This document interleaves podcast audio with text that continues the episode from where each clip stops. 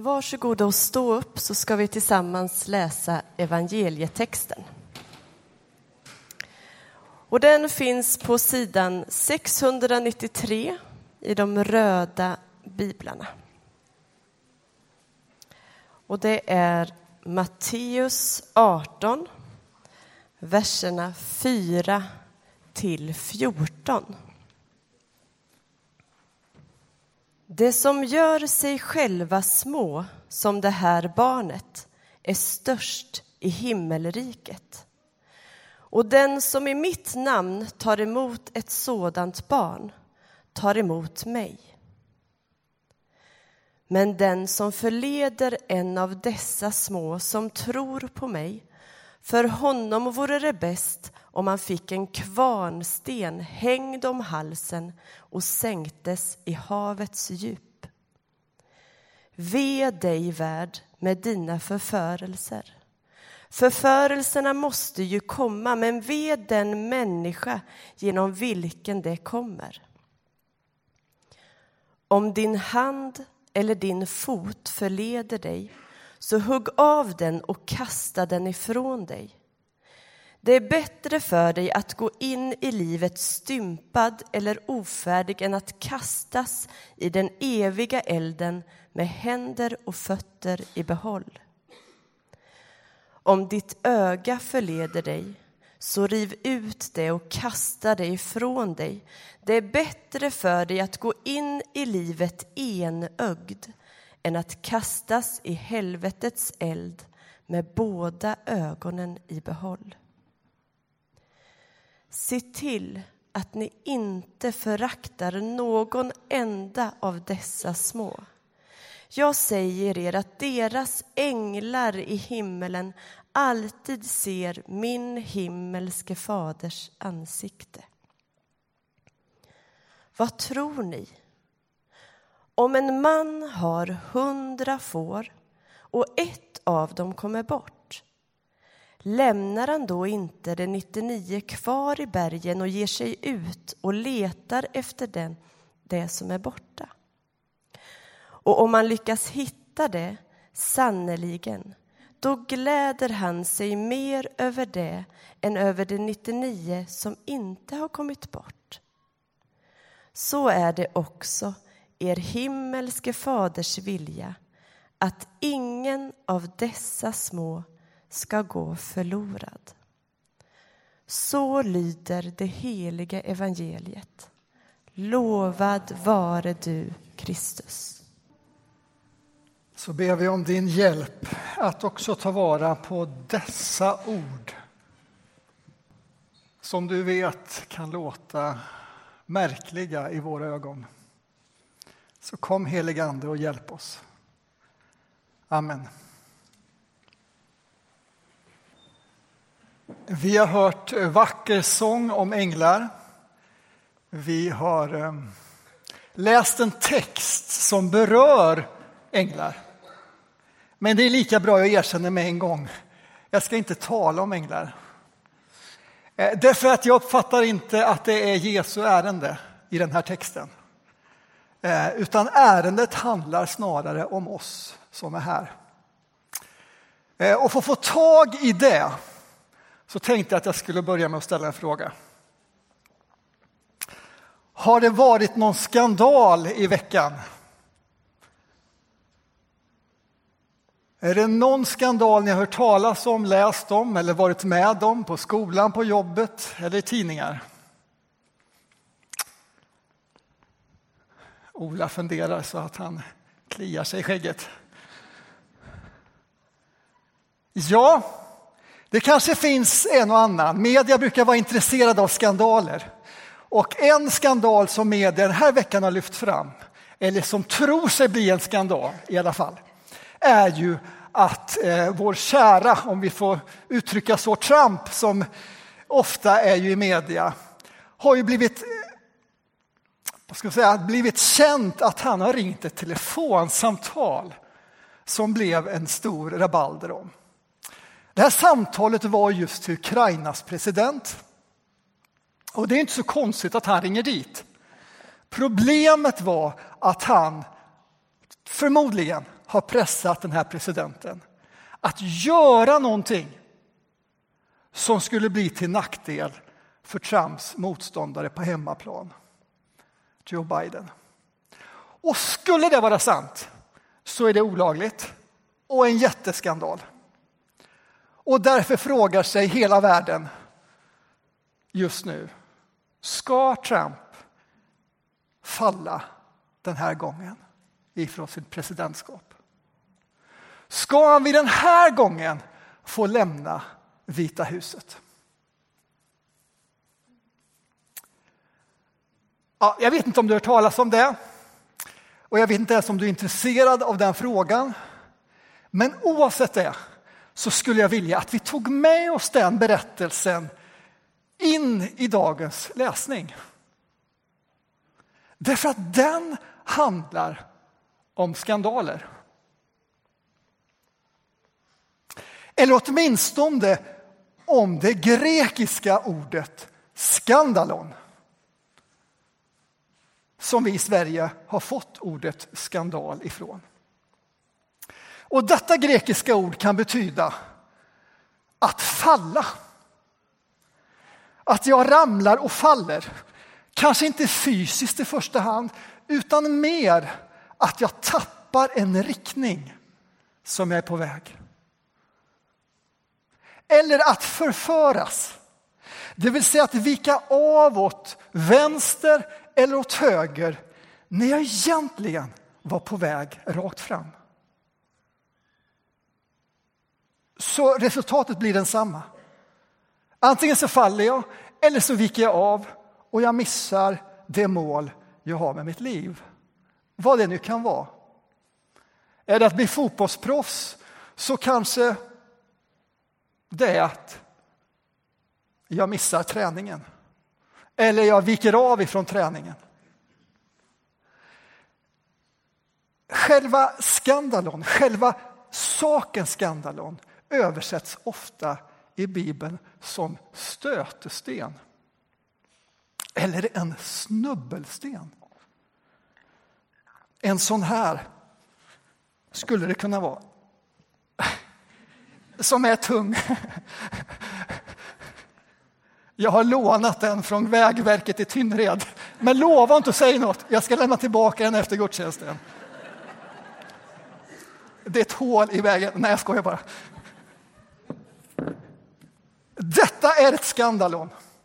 En stötesten, en snubbelsten som får mig, när jag är på väg där, att ramla och missa min riktning. Vilket det skulle vara samma sak som i texten ordet förförelse används.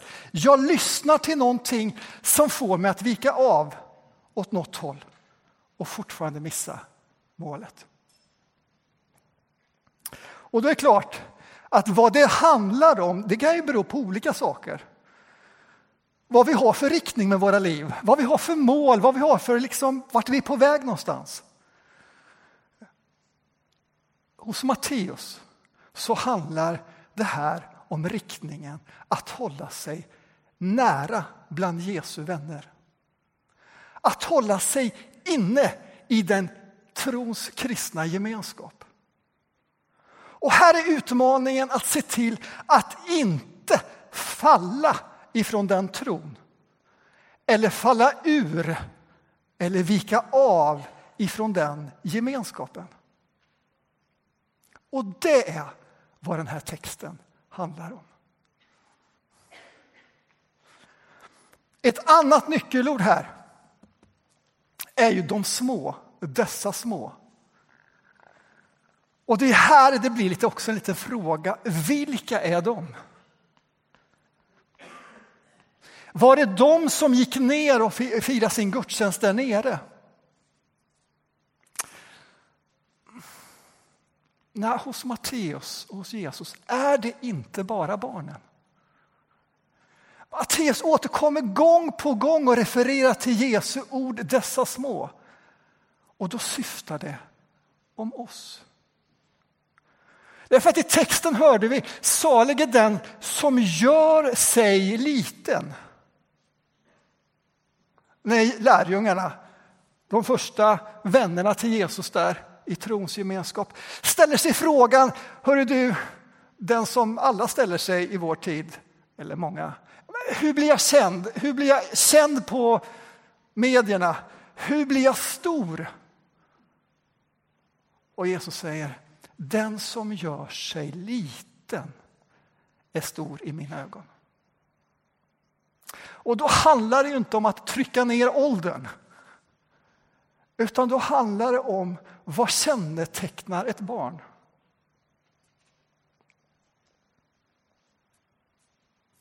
Ja, det är många saker. Men bland annat är att vara beroende. Att veta att jag fixar inte livet själv. Jag behöver en förälder. Jag behöver föräldrar, jag behöver familj. Jag behöver en tillhörighet. Och det är Jesus ute efter. Att göra sig liten är att leva i beroende av andra, i beroende av honom och leva på det sättet trons liv och tillhöra trons gemenskap. Vilket innebär att dessa små är helt enkelt Jesu vänner. Lärjungarna där, Guds folk eller Matteus skriver till kyrkan, det vill säga till oss som har valt att leva trons liv och tillhöra trons gemenskap. Där ingår ju barnen, men också många av oss andra som är här idag.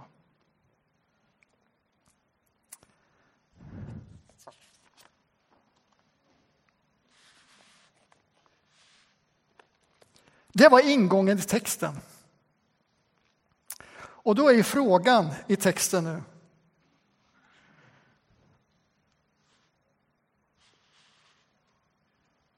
Frågan i texten är ju detta med stötestenen eller förförelsen. Här kommer ju nu ganska makabra ord, måste vi erkänna. För nu säger Jesus så här. Den som förför, alltså får en av dessa små att vika av bort ifrån trons liv och trons gemenskap. Eller som alltså lägger ut en sten att snubbla över som får att tappa kursen, att lämna Jesus eller trons gemenskap. I Jesu ögon, i Guds ögon är detta så allvarligt, så betydelsefullt eller allvarligt. Varje, varje en av i trons gemenskap är så betydelsefulla att Jesus säger att den som lägger ut en sån sten, det är bättre att den drunknar. Vilket är ju fruktansvärt. Hur kan han säga så? Och så fortsätter han i samma dramatiska språkbruk och säger att om det är någonting hos dig själv som får dig att vika av, förföras åt höger och vänster eller som får dig att släppa in snubbelstenar i ditt liv som gör att vi faller bort ifrån tron eller åtminstone distanserar oss lite grann. Ja, då är det bättre att du amputerar det som får dig att ramla. Är det handen, hugg av dig den. Är det foten, hugg av dig den. Är det ögat, riv ut det. Och han skulle kunna säga, det som är din snubbelsten, kasta den ifrån dig. Det som är din skandal, det som får dig på distans. För Jesus är detta så allvarligt, så betydelsefullt att han använder detta språk. Och Vi kanske kan jämföra det med ni vet Greta. Det räcker med att säga Greta, va? En sån här vecka. Greta Thunberg fick ju frågan av en av journalisterna. Varför säger du att vi ska få panik? Det är ju ändå inte rätt. Varför säger du till ledare över världen att de ska få panik? De kommer ju inte handla bättre av det. Och då svarar Greta så här. det är ju ett bildspråk jag använder.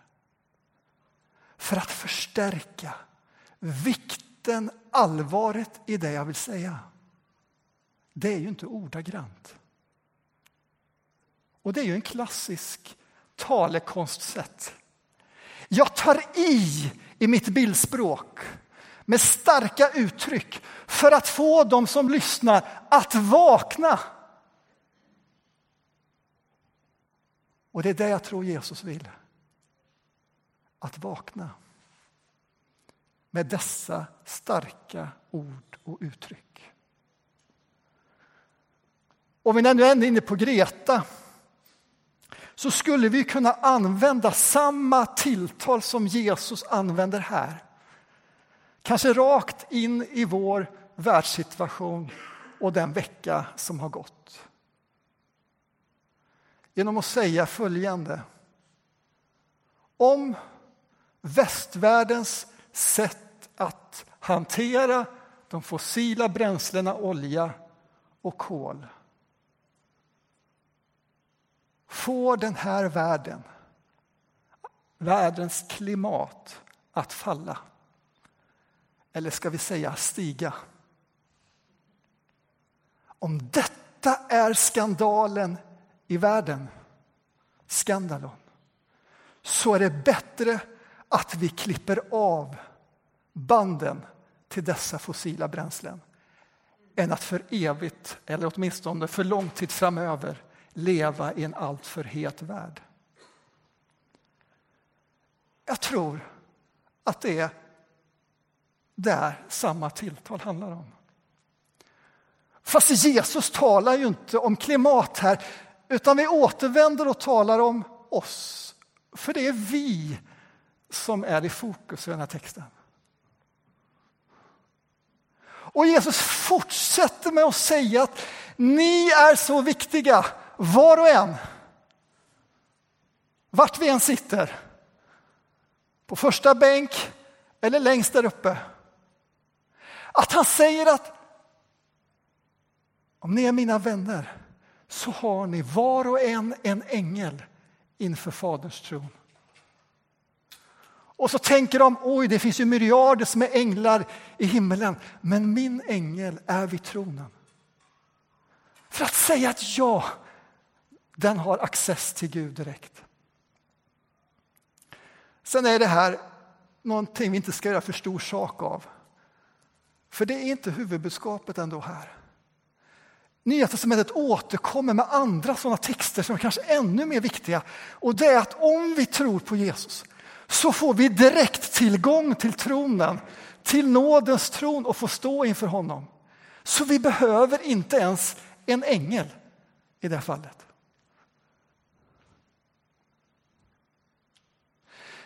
Sen fortsätter Jesus för att ännu mer dra på sina argument. Varför du och du och du är så väsentliga. Och nu använder han sig av en ganska känd berättelse som säkert vi många känner igen. Det borttappade fåret. Vi känner igen det kanske från Lukas evangelium där det ofta betonas utifrån får som finns där ute som behöver in i trons gemenskap. Här är betoningen snarare får, trons människor, Jesu vänner som har snubblat över ett skandalon som har lyssnat till någonting som har varit förförande och som har inneburit en distans till honom och hans kyrka. Och då säger Jesus, då går jag och letar upp den personen. Detta får inte bara hända. Jag tänker leta ut över Göteborg tills jag hittar. För jag vill att han eller hon ska vara i min närhet.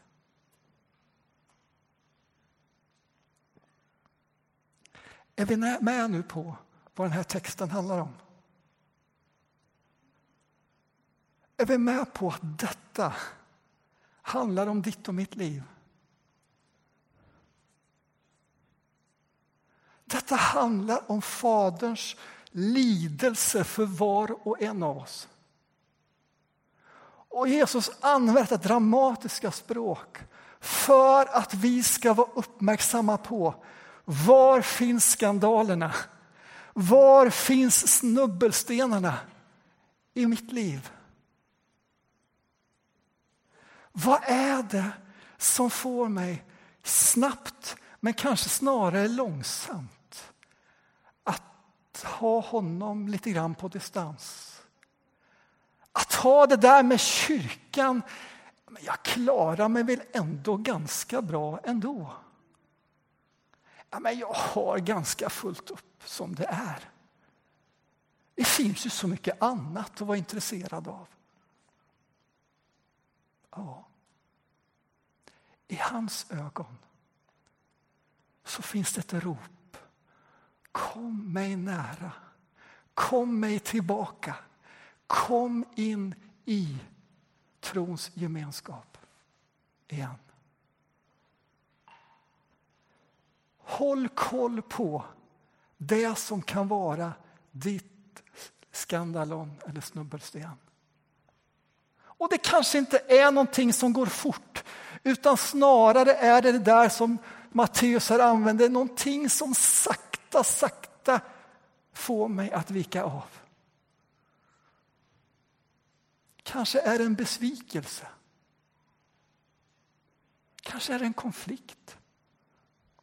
Ja, det är inget konstigt. Därför fortsätter Jesus i texten, som vi inte har läst det, om att tala om vikten om hur vi hanterar konflikter och vikten om att förlåta. det är för att Jesus vet att detta är en del av att leva lite tätare med varandra. Kanske är det att ja, men det är inte riktigt min stil, min musik eller vad det nu kan vara. Jesus vill här, vad den är, var uppmärksam på vad är det som för oss till honom och vad är det som får mig att snubbla och falla ur. Så jag vill avrunda med att säga så här. Du som är här idag kanske för att att du var nyfiken på kyrkan eller kanske för att du ville höra barnkören. Jag önskar att du den här märkliga texten av Jesus kunde ana hur mycket som står på spel om du fortsätter i den här riktningen. Hur värdefullt det är för honom om du tar ytterligare steg till honom och till trons gemenskap. Och jag skulle önska att om du känner igen dig att mm, visst är jag här idag, men jag är nog ändå en betraktare. Det är mycket som har hänt och egentligen så är jag vid sidan av. Jag skulle önska att du inte hörde mig, utan hörde honom. Och hans uppsökande längtan att få dig tillbaka. Hans djupa, djupa kärlek. Och jag skulle önska att vi alla hjälpte varandra att likt herden, Jesus själv, söker upp, ringer ett samtal, tar en lunch och lyssnar på varandra. Om vi märker att det sker. Och kanske också för att uppmärksamma och hjälpa varandra att inte snubbla. Därför att Jesus avslutningsvis säger så är det också er himmelske faders vilja att ingen av dessa små skall gå förlorad.